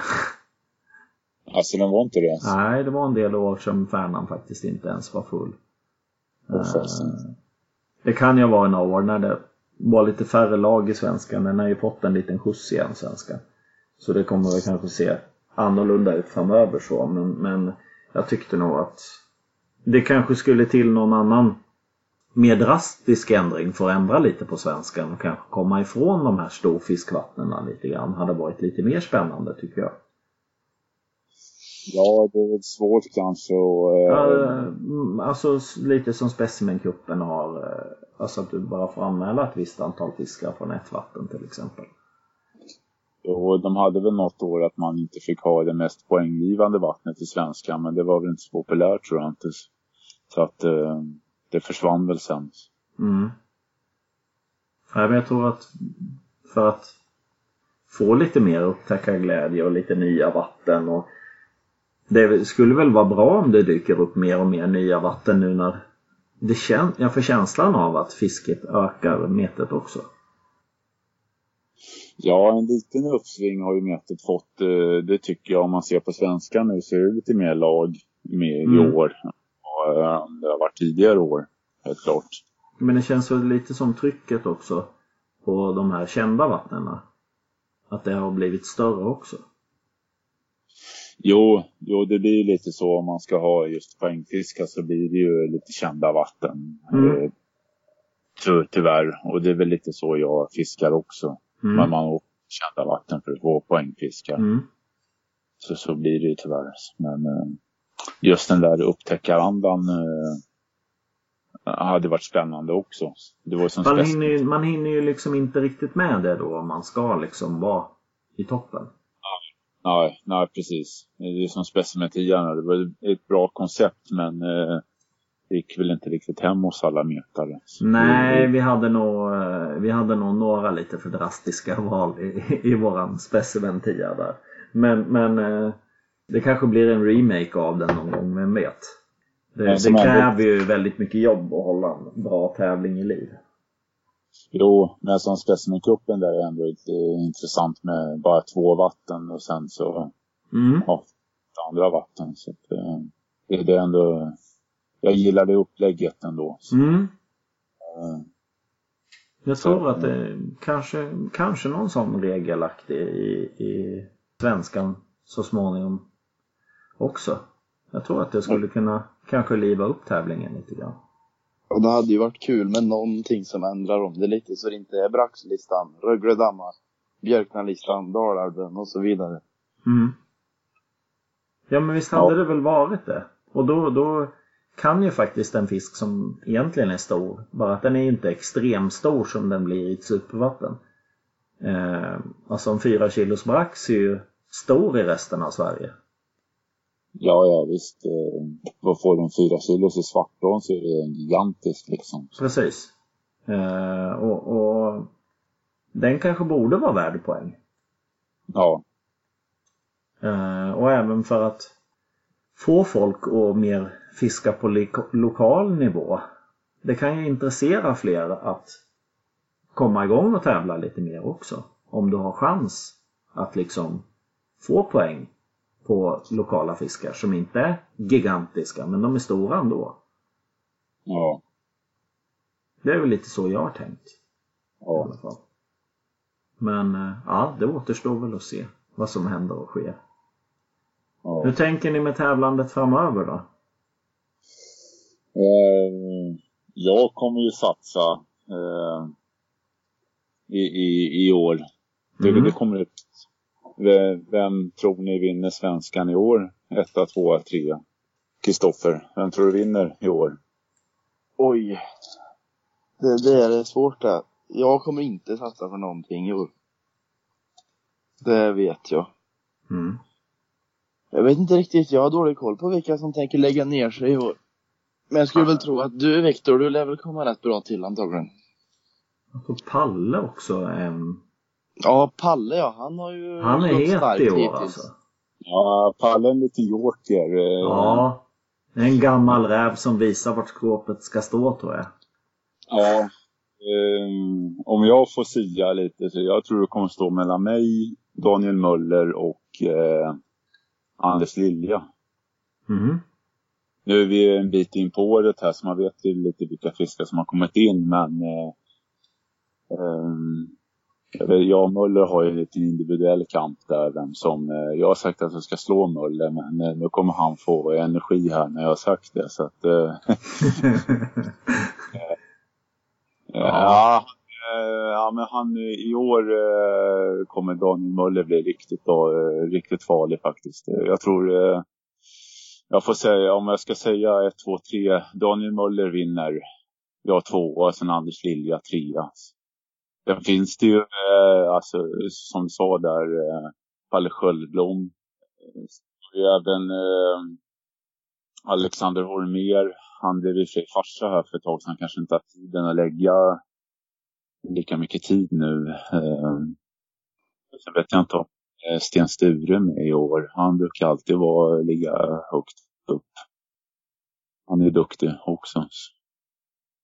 Ja, det finns säkert en del jokrar som kan vara med och eh, Mm. Det, slåss. det tror jag. Med. Mm, ja, jag får ändå säga Daniel Möller vinner. Jag blir tvåa och sen Anders Lilja trea. Ja. Jag vet vad, vad ni tror. Ja, jag, jag, jag tror definitivt att Möller han har ju definitivt potential att vinna. Eh, han har ju huvud för det. Ja, Uh, Hallensjö vet man ju aldrig med. Han kan ju komma två även fast han inte satsar helt hundra på att vinna liksom. ja Eh, fast, Men du, Eh, du, du lägger ju du lägger manken till i år, det märks. Eh, jo, alltså i år. Eh, jag, ska säga, eh, jag ska även säga att jag har varit lite motigt i år faktiskt. Eh, det, är inte alls, eh, det har inte alls blivit som jag har planerat. Men eh, så, så är det ju med fisket ibland. Mm. Eh, min mörtsatsning nu gick inte alls som eh, jag hade tänkt mig. Men eh, Mm. visst, det kommer, det kommer nya arter. Så att, Mm. helt klart. Ja, men jag tror, jag tror på Palle där också faktiskt. Ja, jag Ja. tror Palle kniper tredje platsen då. Ja, Ja, han är joker där. ja jag, jag tror att han kan eh, krypa fram. Han har börjat starkt här och jag tror att han det känns som den tiden han lägger. Det kommer kunna räcka långt i alla fall. Det är jag helt övertygad om. Lilja. Eh, Anders Lilja är också väldigt duktig. Så att, Mm. eh, Ja. eh, helt klart. Vilket lag tror ni vinner då? Eh, jag tror faktiskt Motley Crue vinner eh, i år. Vad tror du då Kristoffer? Ja, jag är beredd att hålla med. Det, det kommer köttas hårt där i år. Ja, det är ju rätt överens där, men vi är ju lite partiska i frågan också. Men, eh, ja, men eh, alltså mitt, mitt upplägg nu, eh, ja. Jag, jag tror att vi kommer. Sen har vi ju alltså starka team bakom. Team Muttar är Mm. bra. De har ju med sitt lag. helt klart. Ja, Tranås har ju sina talanger där också. Eh, Tranås. det är bra lag. Det är bra lag i toppen. Det är, Ja. det är inte så vansinnigt många poäng emellan. Det kan ju ändras fort. Och det har man ju Ja. sett. En del lag är ju bra höstlag. Till exempel. Jo, men det är ju som eh, om man tar eh, Pesca där eh, när de eh, tävlade i Svenskan. De eh, låg ju sådär till eh, fram till hösten och sen så eh, på hösten så, eh, så, så körde de och sen vann de. Ja, det blir, det blir spännande att se hur det slutar det här. Men Ja, det, det ja jag, tror bli... ändå, eh, jag tror Daniel Möller vill, eh, vinner, jag tvåa och sen eh, Mm, ja, tredjeplatsen. Jag tror ändå Anders Lilja, han är duktig. Så, mm, mm. Sen tror jag ändå Mötley Crüe kommer, ja, vi kommer att vinna. Mm. Får vi se om vi taggar igång några lag här. Ja, vi kanske, vi kanske sporrar lag nu till att satsa så att eh, Mm. det är inte möjligt. Nej, det är det inte. Ja. Nej, men jag tror att vi gör så. Vi avrundar här. Eh, Jag får tacka så jättemycket för att ni ville vara med. Ja, Tack själv. Det var skitroligt att nörda ner ett tag med lite fiske återigen. ja det blev lite sidospår där men eh, Det är så det ska vara. Det, Ja. det fanns en tråd i alla fall. Det var fiske och det var det enda som räknades. ja. Då så. Ja, men vi säger adjö för den här gången. Och på återseende. ja tack för Tack själv.